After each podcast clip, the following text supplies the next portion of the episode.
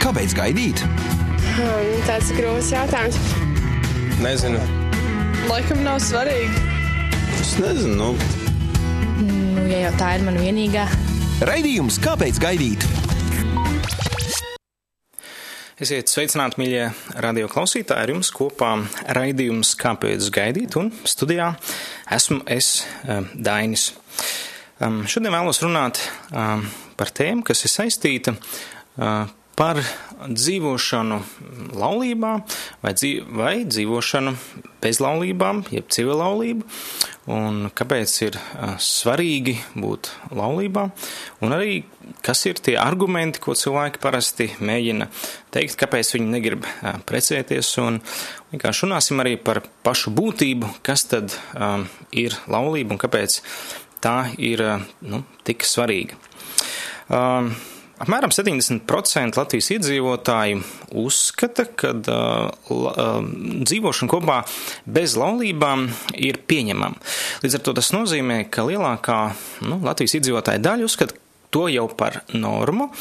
Un, nu, ja mēs skatāmies, ka gan arī lielākā Latvijas tautas daļa sev pieskaita kādai no kristīgām konfesijām, tas nozīmē, ka arī, varētu teikt, ticīgi cilvēki jau tiek uzskatīti to par normu, ka dzīvot kopā bez laulībām ir normāli.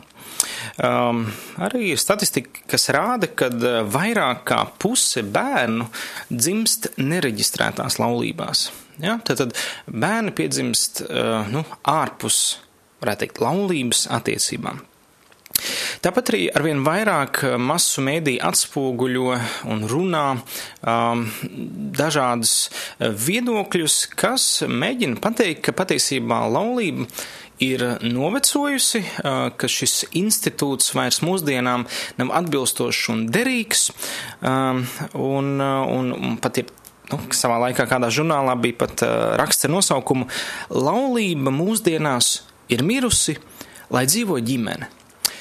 Tātad nav nekas kā pret ģimeni un, un bērniem, bet ir tā kā pret laulību kā institūtu. Un diezgan loģiski, ja mēs redzam, ka apmēram puse noslēgto laulību šķirās, līdz ar to ir kāds jautājums, vai tiešām tas strādā, vai kāpēc tas ir vajadzīgs, ja atkal ir, ir jāšķirās, un, un ļoti daudzi um, nu, tādi ar, argumenti. Uh, kas mēģina teikt, bet varbūt tiešām, varbūt tiešām laulība vairs nav mūsdienām atbilstoša. Nu, mēģināsim šodien par to padomāt un un izvērtēt un uzdot šos jautājumus, jo uh, mums nav jābaidās uzdot jautājumus par lietām, kam mēs ticam. Un, ja mēs baidamies pat uzdot jautājumus, tad varbūt mēs paši nemaz neticam. Un tāpēc ir ļoti labi būt atvērtiem un pārbaudīt tos, ko mēs stāvam, lai iegūtu vēl lielāku pārliecību par to, kam mēs ticam. Un interesanti, ka mūsdienās arvien parādās daudz dažādas formas un diskusijas vispār, kas ir ģimene, un, un parādās dažādi piedāvājumi, piemēram, piemēram ASV ir pat izplatīts, nu, ir kādi cilvēki, kas uzskata par normu, kur vairāki cilvēki dzīvo vienā kopīgā ģimenē. Nu, turpat nosaukums ir poliamoristi. Tātad cilvēki, kas, kur ir vairāk vīrieši, vairāk sievietes dzīvo kopā kā viena ģimene.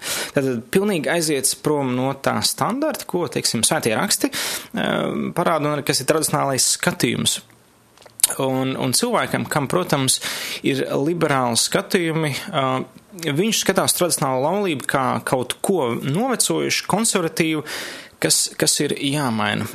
Un, un līdz ar to šāda veida dažāda informācija gan jaunieti, gan pieaugušu cilvēku nu, izšauba par to, ka ir laulība, ka tas ir kaut kas svēts un īpašs.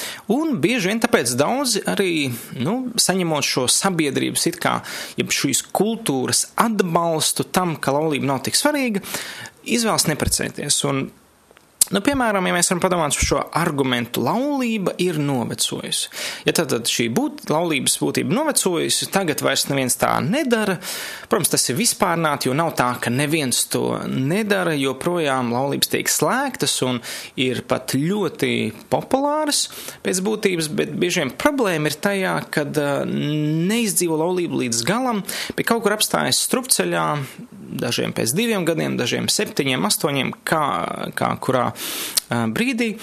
Un līdz ar to rodas tādas priekšstats, nu, tad tā, tā laulība, nu, ir, ir, viņi nestrādā, tad, tad viņi novecojas. Mūsdienu laikam neatbilstoši. Uh, bet, nu, protams, to varētu, nu, ja mēs paskatāmies, tātad šis tāds sauciens laulība novecojas, nu, parādīsies, nu, cik 15, 20 gadu pēdējo laikā. Pirms tam, principā, nu, tādi sabiedrībā skaļi nosaukumi, ka laulība novecojas, nav bijuši. Tas nozīmē, ka, un, un laulība ir patiesībā ļoti jau sena lieta, varētu teikt, nu, tūkstošiem gadus nu, veca, dažādās kultūrās un tradīcijās. Laulība ir bijusi ļoti svarīgu sociālu nozīmi, tātad savus cilts pavairošanu, tautas pavairošanu, dzimtas pavairošanu piemērošana, jā, vairāk varbūt bija sociāla funkcija, nevis tīri individuāla, tīri mīlestības funkcija. Tad tā ir bijusi vienmēr svarīga, un ar to, un pieņemsim, 4000 gadus laulība ir bijusi stabila un, un, un nav bijis apstrīdēts, un tagad pēkšņi pēdējo 15 gadu laikā parādīs, ka sauklis ne tā ir novecojis. Nu, to mēs varam salīdzināt tādu frāzi ar, piemēram, kad cilvēks uh, paskatās uz lauka akmeni, kurš ir, ir, ir apsūnojis un saka, nu, tas akmens ir no, novecojis, nu, no viņa nekāda labums nav, jo uz jau ir sūna. Um, Tas, ka kāds ir eh, ieraudzījis tur sūdu, nenozīmē, ka pats akmens apakšā uh, vairs nav lietojams, vai viņš ir tikpat stabils, kāds ir bijis vienmēr, tikai sūna ir jānoņem. Un es domāju, arī līdzīgi varētu būt laulība. Laulība ir strādājusi, viņa vienmēr ir darbojusies, bet pēdējo gadu laikā ir vienkārši izaugusi sūna un, un pazudis priekšstats, kas tad padara laulību spēcīgu un, un tās būtību pazaudējuši. Un, un, un tāpēc noraksta to, jo it kā neredz, ka viņi strādā. Uh, un, un ar to vispārina. Uh, bet, bet, protams, ka tā nav. Ir, ir daudz cilvēku, kas saka, ka viņi ir laimīgi, kad viņi ir precējušies, ir laimīgs ģimenes laulības un bērni. Bet nu, par to jau garlaicīgi runā. Tāpēc arī, protams, daudzās filmās un mēdījos runā par to, kas ir nav garlaicīgs. Jā, jo, nu, ko tu par laimīgiem cilvēkiem var teikt? Nu, tev, tev viņi tikai skauž. Tāpēc vajag kaut ko izvilkt, lai piesaistītu interesi.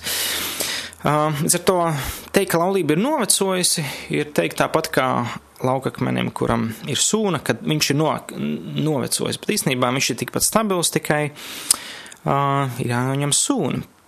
Vai arī kāds var teikt, nu, laulība vienkārši pēc būtības uh, Uh, nu, nestrādā. Viņa, es esmu redzu, tik apkārt cilvēki ir nelaimīgi savā laulībā, vecvecāki aprecējās, jā, visu dzīvi kopā, taču joprojām es neredzu mīlestības, viņi kašķējas uh, savā starpā un tā tālāk.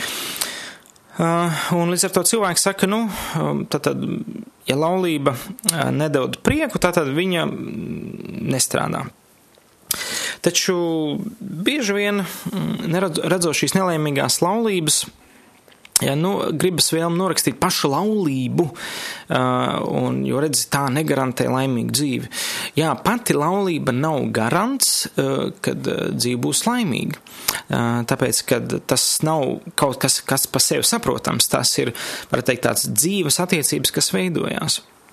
Un, teiksim, ir cilvēki, kas apprecās, un te viņi saka, nē, tas nestrādā, tas ir par sarežģītu, man viņa nemīl, viņa neciena, un tā tālāk, un, un cilvēki šķirās, un pie pirmajiem grūtumiem bieži vien apstājās. Taču es to varētu salīdzināt varbūt kā Nu, piemēram, ka nopērk jaunu datoru ar jaunu programmatūru, kur tu vēl nekad neesi lietojis, un tu saproti, ka tur ir pilnīgi citādāks. Pieņemsim, vienalga ir Word uh, programma, kurā mēs rakstām dokumentus, un, un tā jaunā versija, nu, ir pilnīgi citādāka, un, un tev ir jāpielāgojas, un tu nesaproti, un, un tik sarežģīti un grūti, un, un liekas, nu, tas, tas dators, ko es nopirku, tas ir vainīgs, vai tā programma ir vainīga, un, un es gribu mest ārā to. Nu, tā ir tāda tipiska patērētāja domāšana, kas, ja netiek tagad man dots ātri, viegli, uh, un kad šis nepielāgojas man, bet jāpielāgojas viņam, tad mēs uzreiz norakstam un meklējam vainīgos. Tad šajā gadījumā vainīgs nav dators, bet uh, vainīgs ir tas, ka jāadaptējas, jāpielāgojas un jāiepazīst uh, tas, kas man tur tad ir, tā programma vai tas dators. Un Līdz ar to uh, ir jāpavada laiks, jāiedziļinās, jābūt gatavam iziet grūtībām cauri, lai pieskaņotos tiem jauniem apstākļiem. Laulība ir, ir vieta, kurā ir, ir, ir jāpieskaņojas. Līdz ar to pati laulība nav vainīga. Ja tā pat pa sevi ir laba, tad ir jāapgūst šie principi un lietas, kas tad padara laulību veiksmīgu un stipru. Un nedaudz par to runāsim, runāsim arī vēlāk. Nu, vēl kāds cilvēks var minēt tādu, nu, tādu vienkārši, uh, es nevēlos smērēt papīrus. Es vienkārši dzīvošu kopā, es nevēlos smērēt papīrus. Uh, nu, tas nozīmē, ko cilvēks um, nav gatavs uz papīra apstiprināt savu mīlestību uz otru cilvēku. Tad, tad nu, viņš nav gatavs uh, to piefiksēt, ka viņš kādu mīl. Un, uh, un līdz ar to viņš apmēram grib paturēt tiesības savu mīlestību, vienmēr paņemt atpakaļ. Tad es tev dodu, bet es negarantēju, ka uh, viņa paliks. Un jebkurā brīdī es viņu varu paņemt atpakaļ, jo es nekur neko neesmu um, solījis. Un līdz ar to varētu teikt, tāda, tādas attiecības, ja tāda mīlestība nav pieregistrēta, viņi varētu teikt, nu, gandrīz tāda nelegāla, ja? tāda bez nodokļiem. Es, es negribu maksāt nodokļus, kas man būs jāmaksā, kad iestāšos laulībā. Es, es um, nevēlos reģistrēt ar tevi, um, nu, teiksim, attiecības. Um, nu, cits varbūt uh, mēģina, saka, nu, es negribu salotās, jo es gribu sev pasargāt neveiksmas gadījumā. Ja nu mēs izšķiramies, es, es negribu tās, tās milzīgās problēmas, kas pēc tam ir. Um, un ar to te mēs varam domāt, ka cilvēks jau stājoties, ja esot attiecībās, jau uh, baidās, ienāk tajās ar bailēm, kad, uh, ka kaut kāda būs neveiksma neizdošanās. Varbūt tur ir nu, neveiksmīga pieredze paša attiecībās, vai draugu, vai vecāku Ja? Un ar to arī šis, šīs bailes, viņas jau vienmēr paliek arī pat, ja neaprecās. Tad, tad, ja ir bailes, ka, cilvēks, ka kaut kas neizdosies, tad, nu, tad, tad bailes ir kā kontrola, un viņas pat, ja cilvēki neaprazās, tik un tā turpina kontrolēt, jo viņas sāpes jau nemazinās uh, no tā, kad mēs izšķirāmies neprecējušies. Sāp tik un tā, uh, bet, uh, bet katrā gadījumā uh, tas, tas, tas tā vienotība uh, ir, ir, nu, varētu teikt, um, nu, ot, atbildības uzņemšanās par otru. Varbūt kāds var teikt, man tāpat ir labi.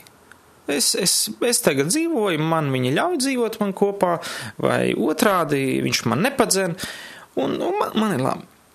Taču problēma šajā gadījumā ir tas, ka cilvēks balstās uz šī brīža situāciju uh, un, un, un šī brīža sajūtām vai garstāvokli vai apstākļiem. Taču tas nav ilgtermiņu attiecības. Tātad, principā, ilgtermiņā šīs attiecības nav apdrošinātas. Nav dos nekāds uh, solījums. Līdz ar to viss, kas saista šādus cilvēkus, kas saka, man man tāpat ir labi, man neko vairāk nevajag. Tad viņi sasaistījušies seksuālā saitē un kaut kādā savstarpējā labsajūtā. Bet viņus nevieno, varētu teikt, šāda nopietna juridiskā saite, ja, materiālā saite, tātad, nu, tādi kopīgi īpašumi, nu, nereti ir, ir grūti vai nu pat noformējumi vai, vai, vai teiksim, tur ir savas problēmas, un arī tāda divišķā saita nav, jo, nu, svētie raksti tomēr apstiprina laulību par derīgu, kas ir, kur ir dots solījums, un ir uh, bijusi šī uh, solījuma apstiprināšana. Ar to cilvēks saka, man tāpat ir labi, uh, viņš ir šīs attiecības ļoti trauslas, tās balstās varbūt seksualitātē un labsajūtā, bet, bet tās ir tādas trauslas saites, kas var sabojāties, kas var viegli tik pārauts. Līdz ar to šīm attiecībām nav ilgtermiņa mērķis. Un, un kā savā laikā ir teicis tāds, tāds domātājs, arī mācītājs. Um, Uh, Tims Kellers, uh, viņš uh, principā saka, ka uh, nu, šāds, šāds cilvēks uh, nav gatavs, uh, principā, ko viņš pasaka, ka mana mīlestība uz tevi vēl nav sasniegusi laulības līmeni. Tad cilvēks saka, ka nu, es neesmu gatavs tevi precēt, man tāpat ir labi. Tas nozīmē, ka viņa mīlestība vēl nav sasniegusi laulības līmeni. Uh, kur jau tas nozīmē nodošanās uz visu dzīvi. Jā, līdz ar to var pateikt, nu, ka viņš nemīl līdz uh, sirds dziļumiem, ka būtu gatavs uz visu uh, dzīvi um, mīlēt. Un, protams, tas ir uz sevi vērstas attiecības, kad man tāpat ir labi. Jā, un, un um, varbūt kāds arī teiks, nu, man nav vajadzīgs tas, man nav vajadzīgs tās stabilās attiecības, tā, tās derības attiecības. Uh, Un, un, eh, bet mēs varam padomāt, vai tiešām nav vajadzīgs. Mm, varētu teikt, ka ir, ir izpētīts, ka katrai cilvēka dvēselē ir vajadzība eh, pēc drošības, tad, tad vietas, kur tu esi pieņemts, kāds tu esi, un, un, un tev neviens par to nepārmetīs. Eh, un tātad drošība, otrs ir pieņemšana, ja, ka tu esi akceptēts ar visiem saviem plusiem, mīnusiem, uh, Un, un trešais ir novērtējums. Jā, novērtējums, kad es esmu atrasts par pietiekami vērtīgu, lai ar mani būtu kopā. Un es ar to mūsu dvēselē vienkārši gribās, prasās uh, pēc drošības pieņemšanas un novērtējuma. Ja mūsu dvēsele nav šādās attiecībās, kur mēs esam drošās attiecībās, kur mēs varam vienkārši būt mierā, kopā ar otru cilvēku, ja mēs eh, nejūtamies pieņemti, kāda mēs esam un novērtēti, mūsu dvēsele ir tādā iekšējā nemierā un nestabilitātē, tāpat kā līdzi jūtas bērns, kurš, kuram nav vecāku. Tad, tad ir šis iekšējais stress, adrenalīna līmenis, nav šīs miera atpūtas sajūtas. Un ar to es gribētu teikt, ka uh, derības attiecības, kas patiesībā ir laulība, uh, noslēgtas derības attiecības uz dzīvi, kur divi cilvēki labprātīgi nododas viens otram otra labā, lai nestu otram labumu. Tad nodošanās priekš otra dzīves garumā un teikt dos šis solījums, kā mana garantija, kad es palikšu ar tevi mūžīgi. Gan labos, gan sliktos laikos, gan priekos un bēdās, un ar to nav, līdz ar to tāpēc arī pats solījums ietver, kā saka, solījumu būt arī klāt neveiksmē. Pat ja mums neveiksies, es tik un tā apsolu, ka es tevi neatstāšu. Tad gan priekos, gan bēdās, veiksmē un neveiksmē, varētu teikt tā. Un līdz ar to katram cilvēkam patiesībā ir ne tikai būtu labi būt tuvās attiecībās, bet ir pat vajadzība pēc derības attiecībām ar, ar kādu. Un, un līdz ar to laulībā dotais solījums ir, ir dod šo dvēselē cerību uz mieru. Tā nav garantija uz drošību pieņemšanu vienvērtēm, bet tā ir cerība un, un ticība, ka pamatoties uz šo doto solījumu, es varu balstīt savus dvēseles mieru. Jo, ne, ja nekas nav solīts manai dvēselei, ir, ir jāmeklē pamatojums, kāpēc man uzticēties šim cilvēkam. Un tad mēs me, meklējam apstākļus vai, vai, vai kā vērojam tā tālāk. Bet patiesībā mūsu ticība balstās uz, uz kaut kādu konkrētu informāciju un pamudinājumu, jeb vārdiem. Jo katrs vārds nes sevi informāciju, tad trīs funkcijas - informāciju. Uh, asociāciju un, un konkrētu rīcību.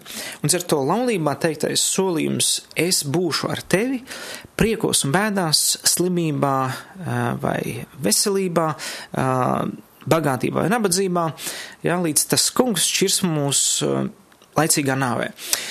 Tad, tad uz šiem vārdiem dvēseli var balstīt savu mieru, drošību un teiksim tā, tīri psiholoģiski, dvēseliski cilvēkā var atnākt miers drošība, pieņemšanas sajūta un novērtējums. Ka kāds ir mani tik ļoti novērtējis, ka ir gatavs būt ar mani kopā uz mūžu. Kur vēl lielāku novērtējumu? Dvēseli var sajust, ka kāds saka, neatkarīgi kā mums, es neatkarīgi kāds esi tu, es izvēlos sev veltīt priekš tevis uz visu, visu mūžu. Dvēselē tas ir lielākais novērtējums, lielākais tāds saldais ēdiens, ko viņš var uh, dzirdēt. Un tieši tāpēc mūsu dvēselē ir vajadzīgs, un tāpēc cilvēkam ir vajadzīga laulības uh, derība vai vismaz tuvas derības attiecības ar kādu personību. Protams, ir atsevišķs stāsts, kur mēs varam runāt par cilvēkiem, kas varbūt nekad neaprecās, tad viņiem šādu garantu dod derības attiecības ar Dievu. Bet tas jau ir atsevišķs stāsts, un par to varbūt vēlāk arī runāsim, ja laiks atļauj. Bet tad, tad derība ir kaut kas, kas mūsu dvēselē dod um, cerību par pieņ, manas pieņemšanu, novērtējumu drošību un mieru dzīves garumā. Un tad, kad mēs mūsu dvēsele var to atrast, šādu cerību un sadzirdēt, atverās jauns augšanas attīstības līmenis mūsu personībā. Ja tas tāpat līdzīgi es esmu atradus pamatu savai dzīvei, savās attiecībās, un es varu attīstīties tālāk. Kamēr nav šis stabilais pamats, tas tāpat kā staigāt pa smiltīm un nevar īsti uzbūvēt māju. Ja tad mums ir vajadzīga stabilitāte. Un ar to šajā laikā, kurā mēs dzīvojam, kur viss ir tik nestabils, kur ir mainās, saka, viens saka, tāda ir patiesība, otrs tāda, viens trešais saka, vispār nav patiesības. Ja mēs, mums ir grūti atrast stabilitāti, un mēs cenšamies nobāzēties uz kaut cik ticam informāciju. Tas nozīmē, ka mēs joprojām meklējam šo patiesību, pat ja mēs uh, arī sakam, ka nav vienas patiesības. Ja? Uh, un kādi varbūt cilvēki nobīstās, es negribu neko tik nopietnu kā laulības attiecības, jo, jo, jo tas ir tik nopietni, tad um, es nezinu, vai es to spēšu izturēt, vai es spēšu to uh, panākt, un, uh, un, un, es to, un, un es baidos, ka, nu, uh, kad mums neizdosies, un tas vēl tā vairāk sāpēs, un, un cilvēkiem ir bailes, bailes. Bet šeit, šeit ir ļoti, ļoti svarīgi saprast, ka laulības derība nav tikai eh, horizontālā līmenī. Tā tikpat, cik viņi ir horizontālā līmenī, viņi ir tikpat vertikālā līmenī. Tas nozīmē, ka tajā brīdī, kad tiek slēgta derība ar otru cilvēku uz attiecībām laulībā, tikpat ļoti tajā brīdī tiek slēgta derība ar Dievu attiecībā uz šīm laulībām. Tas nozīmē, es dodu solījumu automātiski divām personībām - Dievam un otram cilvēkam. Un principā arī es dodu solījumu, varētu teikt, lieciniekiem, uh, Uh, un ra radiniekiem. Uh, bet principā tas ir solījums otram cilvēkam, kur pats Dievs ir kā liecinieks, un līdz ar to es iestājos derības attiecībās, kuras ir aicināts no uh, Dieva, no radītā. Tas nozīmē ko? Kad laulība ir kā virve, kas sastāv no uh, trīs, teiksim, dzīslām.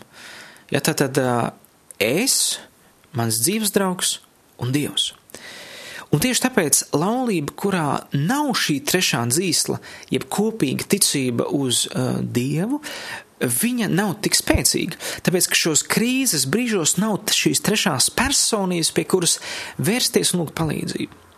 Un tāpēc pašā būtībā laulība ir, ir trīspusēja. Viens dzīves draugs, otrs dzīves draugs un Dievs. Hm? Un tāpēc arī, ja balstās laulība tikai uz manu spēku un uz otru cilvēku spēku, loģiski ir bailes dot solījumu, jo es esmu redzējis, cik es esmu vājš, un es redzēju, cik otrs cilvēks ir vājš. Bet, ja es zinu, ka ar mums ir kāds, kurš ir spēcīgāks par mums, tas jau dod cerību. Kāda varbūt baidās doties laulībā, jo bail no šķiršanās sāpēm? Un, un līdz ar to sāpēm, kas nāks pie šķiršanās. Bet, nu, vēlreiz gribu teikt, ka um, ja ir bailes jau attiecībās uh, un, un, un nav miers, tas jau traucē izjust patiesu tuvību mīlestību. Mm, tas ir viens otrs. Pat ja arī neaprecās, tāpat sāpes kaut kādas būs. Ar to vienkārši baidīties no sāpēm, uh, teiksim tā, tas nepalīdz. Un, un īstenībā savā laikā tāds uh, arī Cits domātājs Klaifls Staples Lewis, kas rakstīs arī daudz grāmatas gan par laulību, gan par uh, ticības būtību, mm, viņš arī ir Nānijas kronikas autors. Viņš saka tādu interesantu, um, tādu interesantu skatījumus par, par bailēm ļauties mīlestībai, bailēm no tā, ka tā ievainos. Viņš saka tādus vārdus: Mīli jebko, un tava sirds tik un tā, tiks ievainot un pat salauzt. Tad viņš saka, jebkura mīlestība ir tuvu tam, ka viņi tevi ievainos un salauzīs. Jo tā ir mīlestības eh, būtība, kad eh, mīlestība ir, varētu teikt, nu, ļoti vāja lieta, bet tajā laikā ļoti spēcīga. Tāds paradoks, jo tikko tavu mīlestību tiek atraidīta, tu tiec automātiski ievainots. Uh, un līdz ar to viņš saka, mīl jebko, un tavs sirds noteikti būs ievainot un pat salauzta. Ja tu gribi pārliecināties par to, ka tev sirds paliks vesela, tad tu nevienam tad nedrīkst to savu sirdi dot, pat ne dzīvniekam. Tad viņš, viņš tā kā mēģina pateikt, ja tu gribi saglabāt sev veselu no sāpēm, nu, tad tu vispār nevienam nedrīkst uzsēst savu sirdi. Ja, tad, tad, tad viņš saka tālāk. Tad iesaiņot to savos hobijos un luksus lietās, izvairies no visām grūtībām un ieslēdz to savu sirdi drošā zārkā vai egoisma šķirstā. Tad vienkārši noslēdz savu sirdi, ja tev tik ļoti bail no, no sāpēm. Bet šajā zārkā Šajā drošībā, tumsā, esot bez emocijām un gaisa, tava sirds mainīsies. To vairs nevarēs salauzt, tā kļūs nesalaužama, necaurlaidīga, nelabojama. Tad viņš saka, patiesībā tavs sirds nocietināsies, ja tu baidīsies no sāpēm, kas ir daļa no mūsu cilvēciskās dzīves, tad tu viņu nocietinās. Jā, un tu nejutīsi, jā, viņu neviens nespēs vairs salauzt, bet viņi arī nespēs vairs neko just. Un viņš saka, alternatīvu traģēdijai. Ja tā tad, nu, tā tad man ir bail no šīs traģēdijas, no sāpēm, un kas tad ir citas rīcības iemesls, kas, kas ir alternatīva? Tā ir vienkārši nolemtība. Nolemtības cietai sirdī. Un šis autors vienkārši izaicina. Tad vai nu uzdrīksties mīlēt no visas sirds un uzņemties risku, ka tu vari tikt ievainots, vai arī tad tu pilnībā sevi aizved prom no jebkādām attiecībām, nocietina savu sirdi savā egoismā, bet arī tu neko vairs nejūti un tu vairs nedzīvo. Līdz ar to, vai mēs varam aizbēgt no sāpēm? Es domāju, ka nē. Mēs nevaram, ja mēs bēgam no sāpēm, tad mēs sevi norakstam dzīvībai. Un tāpēc ir labi zināt, kad ir Dievs, kas dziedina mūsu sāpes. Ir labi zināt, ka ir iespēja būt brīvam no tām sāpēm, lai arī cik liels viņas bijušas. Un, ta, un tāpēc jau arī svētie raksti mums dod cerību, neatkarīgi cik mums ir sāpēs, cik daudz attiecības mums ir lauzušas, mums ir iespēja, izveidojot tuvas attiecības ar savu radītāju, kā ar meistaru, kas mūs var salabot. Un, un tāpēc arī Bībele runā par kādu personību, kas pilnībā sevi nodeva mīlestības attiecībām pret cilvēci, pret ikvienu cilvēku, kurš uh, nāca ar atvērtību uh, un vēlmi dot, un beigās pats tika atraidīts, lai tie, kas tiek atraidīti, tiktu pieņemti.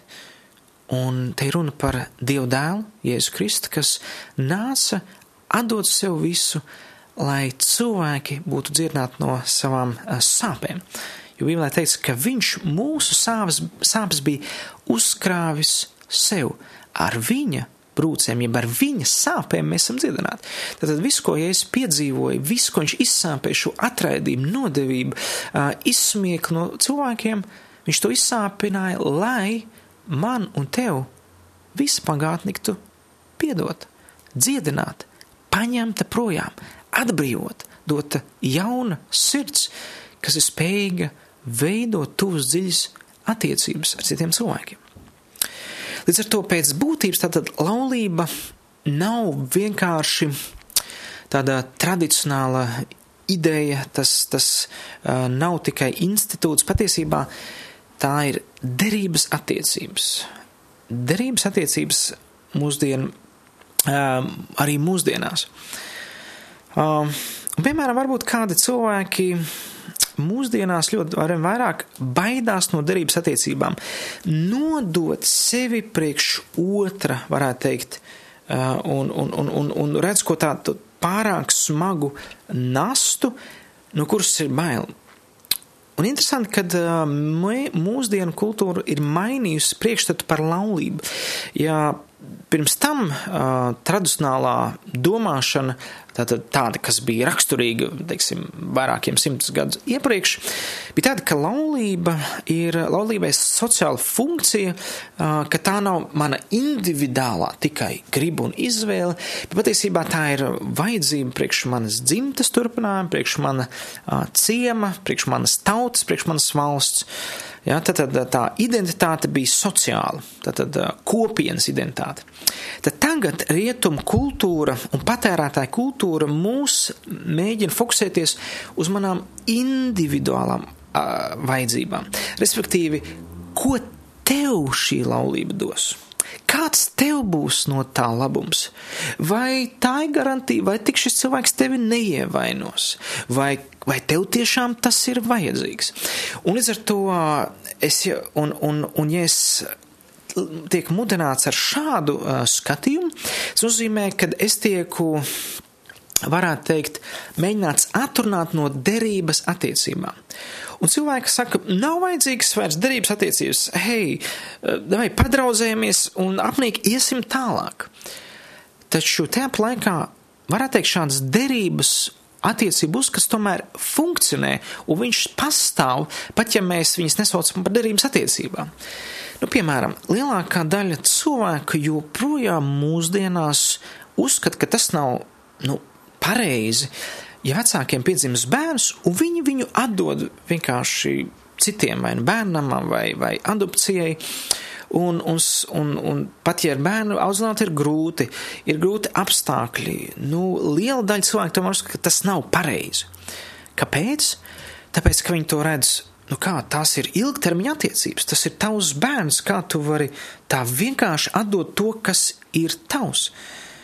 Un redziet, tas nozīmē, ka skatījums uz šādām attiecībām vecāku un bērnu ir, varētu teikt, tāpat skatījums kā uz derības attiecībām. Ja tavs bērns, tu esi viņu, varētu teikt, noslēdzis jau derību, nu, viņš tev pieder. Ja? Un tieši tās pats skatījums līdz ar to arī uz laulāto cilvēku. Nu kā, tas taču ir tavs, tavs bērnu tēvs, tav, tavs sieva, daļa no tavas miesas, jūs esat kā viens. Un kā tad tu tagad tā viņu pamet. Ja, principā mūsu dvēsele jau saprot, kas ir iekšpusē, bet tāpēc, ka mēs bēgam no atbildības, no vainas apziņas, jau nav kur to likt, mēs cenšamies atrast attaisnojumus, lai mums neuzņemtos atbildību.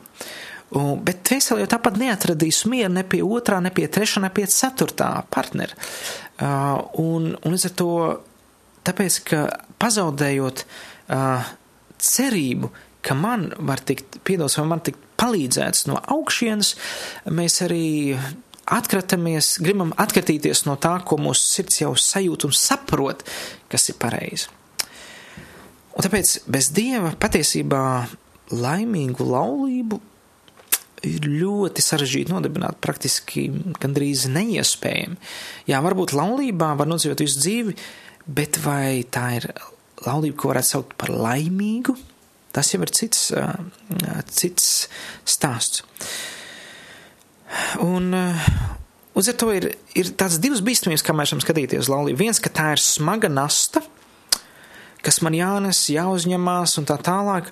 Vai otrs ir kā pārāk idealizēts, ka tā ir paradīze zemes virsū, es aprecēšos, tad būšu laimīgs. Uz laulību jāskatās diezgan objektīvi, ka tā ir dāvana, dāvana laulātiem, tātad attiecības, kurās es varu atrast savu drošību, pieņemšanu, novērtējumu, bet dāvana, par kuru jārūpējas. Tāpat kā bērni. Tā ir dāvana, prieks ir daudz, bet arī daudz darba jāiegūda. Un, protams, sliņķiem neviena ne, ne dāvana, par kur jārūpējas, nav uh, prieks. Un, uh, un līdz ar to arī svarīgi. Um, Tātad vēlreiz apzināties, ka laulība ir derības attiecības, kas nozīmē nodošanās otra cilvēka labā uz visu dzīvi. Ar mērķi tātad nu, mīlēt. Tas nozīmē emocionāli tikai mīlestības sajūtām balstīta, bet ar mērķi, kad es vēlos dzīvot priekš šī cilvēka un darīt viņu uh, laimīgu, jeb darīt visu, lai viņš būtu laimīgs. Un tās ir ne tikai horizontāls, bet arī vertikāls attiecības, uh, kur, ir, kur ir Dievs. Un arī svētie raksti uh, diezgan daudz pat apstiprina, piemēram, Malihijas grāmatā otrajā nodaļā. Uh, uz ticīgiem cilvēkiem, īpaši kalpotājiem, ir teikts, kad Dievs tā kā pārmet viņiem par, par to, ka viņi dara nepareizi. Un tur teiks tā, viņi prasa, kāpēc mums ir asars, kāpēc mums ir jāvaid. Un tur tāda atbilda Malahijas 2.14. Tāpēc, ka tas kungs ir bijis paliecinieks tev un tavu jaunības gadu sievai, kuru tu tagad esi atstūmis un ienīsti. Tad ienīst nozīmē, tu mīli kaut ko vairāk nekā viņu. Tad citu sievieti vai kaut kādas citas lietas iemīlēs vairāk nekā viņu. Te nav runa par Dievu, bet par kādu citu. Kaut viņa tomēr bija tava līdzgantniece un tava, tavas paša derības sieva. Ja? Un, un līdz ar to tālāk teica, nevis, lai nenolicina savu jaunības gados apņemto sievu. Ja? Un, un, un, un, un viņš un saka, bet kas uz viņu dusmo šo sievu un padzen viņu, saka tas kungs, Izraēla dievs, tas aptraipa savu tērpu ar varmācības negodu, saka tas kungs Cebots. Tādēļ esiet nomodā par savu garu un neesiet neusticīgi pret viņu šādu sievu. Tas nozīmē, ka dievs um, uh, nav atvērts uh, šķiršanām laulības šķiršanai. Tad, jo Dieva acīs tā ir derība uz visu mūžu.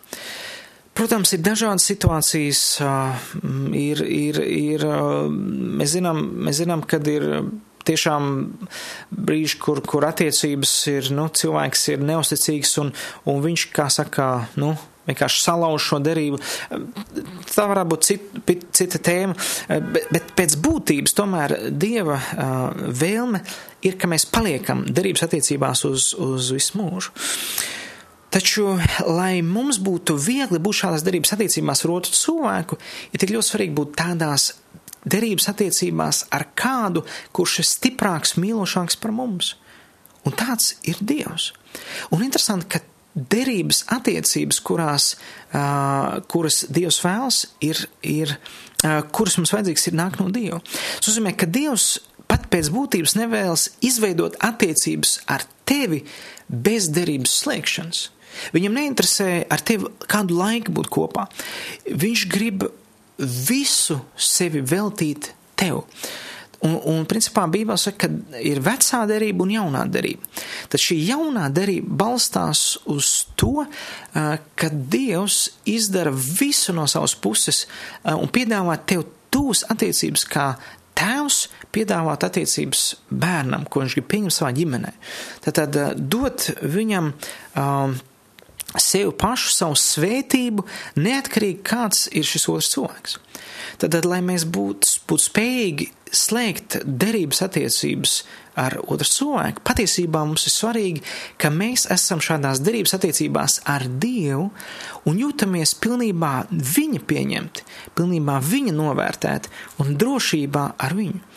Un mums šajās derības attiecībās ir, ir tikai jāatsaucās, lai noslēgtu derību ar Dievu. Un tās ir ticībā. Ticībā tam, ka Dievs ir izdarījis visu, lai man būtu attiecības ar viņu. Un Bībelē saka, ka tik ļoti Dievs pasaulē, man un tevi ir mīlējis, ka viņš ir atdevis savu vienpiedzimušo dēlu. Lai neviens, kas viņam tic, nepazustu, bet dabūtu mūžīgu dzīvību. Tad, iegūtu mūžīgas attiecības, dzīves attiecības ar Dievu. Tad viss, kas man jādara, ir jāatcaucās un jāvēlas būt šādās attiecībās ar Dievu. Un tās balstās vienkārši uz, uz ticību. Un līdz ar to, lai šī derība būtu um, dzīva, ir jābūt šai sadraudzībai. sadraudzībai. Un, un ar to tas, ko es mēģinu pateikt, kad laulība ir derības attiecības, kuras uh, ir gan horizontāls, tātad ar otru cilvēku, bet tajā vienlaicīgi arī ar Dievu. Un bez Dieva uh, tā būs vai nu smaga nasta, vai nepanesama nasta, uh, vai arī kaut kas, kas ilgi nepastāvēs, bet kopā ar Dievu ir iespējams dziedināšana šā laulībai. Un mans novēlējums ir, ja tu esi slēdz darību ar kādu cilvēku, ar dzīves draugu, uh, ņem vērā, ka Dievs ir tavā pusē, viņš gatavs tev palīdzēt, bet tava atbildība ir meklēt viņa palīdzību, saukt, lūgt uh, un darīt visu, kas no tavas puses ir darāms, uh, jo viss ir atjaunojums, uh, kas ir Dieva pēc Dieva prāta. Un, un es novēlu, ka mēs varam domāt, pārdomāt savas attiecības un neļaut šim laikam tam izjaukt to pamatu, kas mums ir ticība tam, ka laulība ir no Dieva un tai ir savu svētību mūsu dzīvē. Un šis bija raidījums, kāpēc gaidīt, un, ja Dievs dos, tiksimies atkal pēc nedēļas ar labvakaru.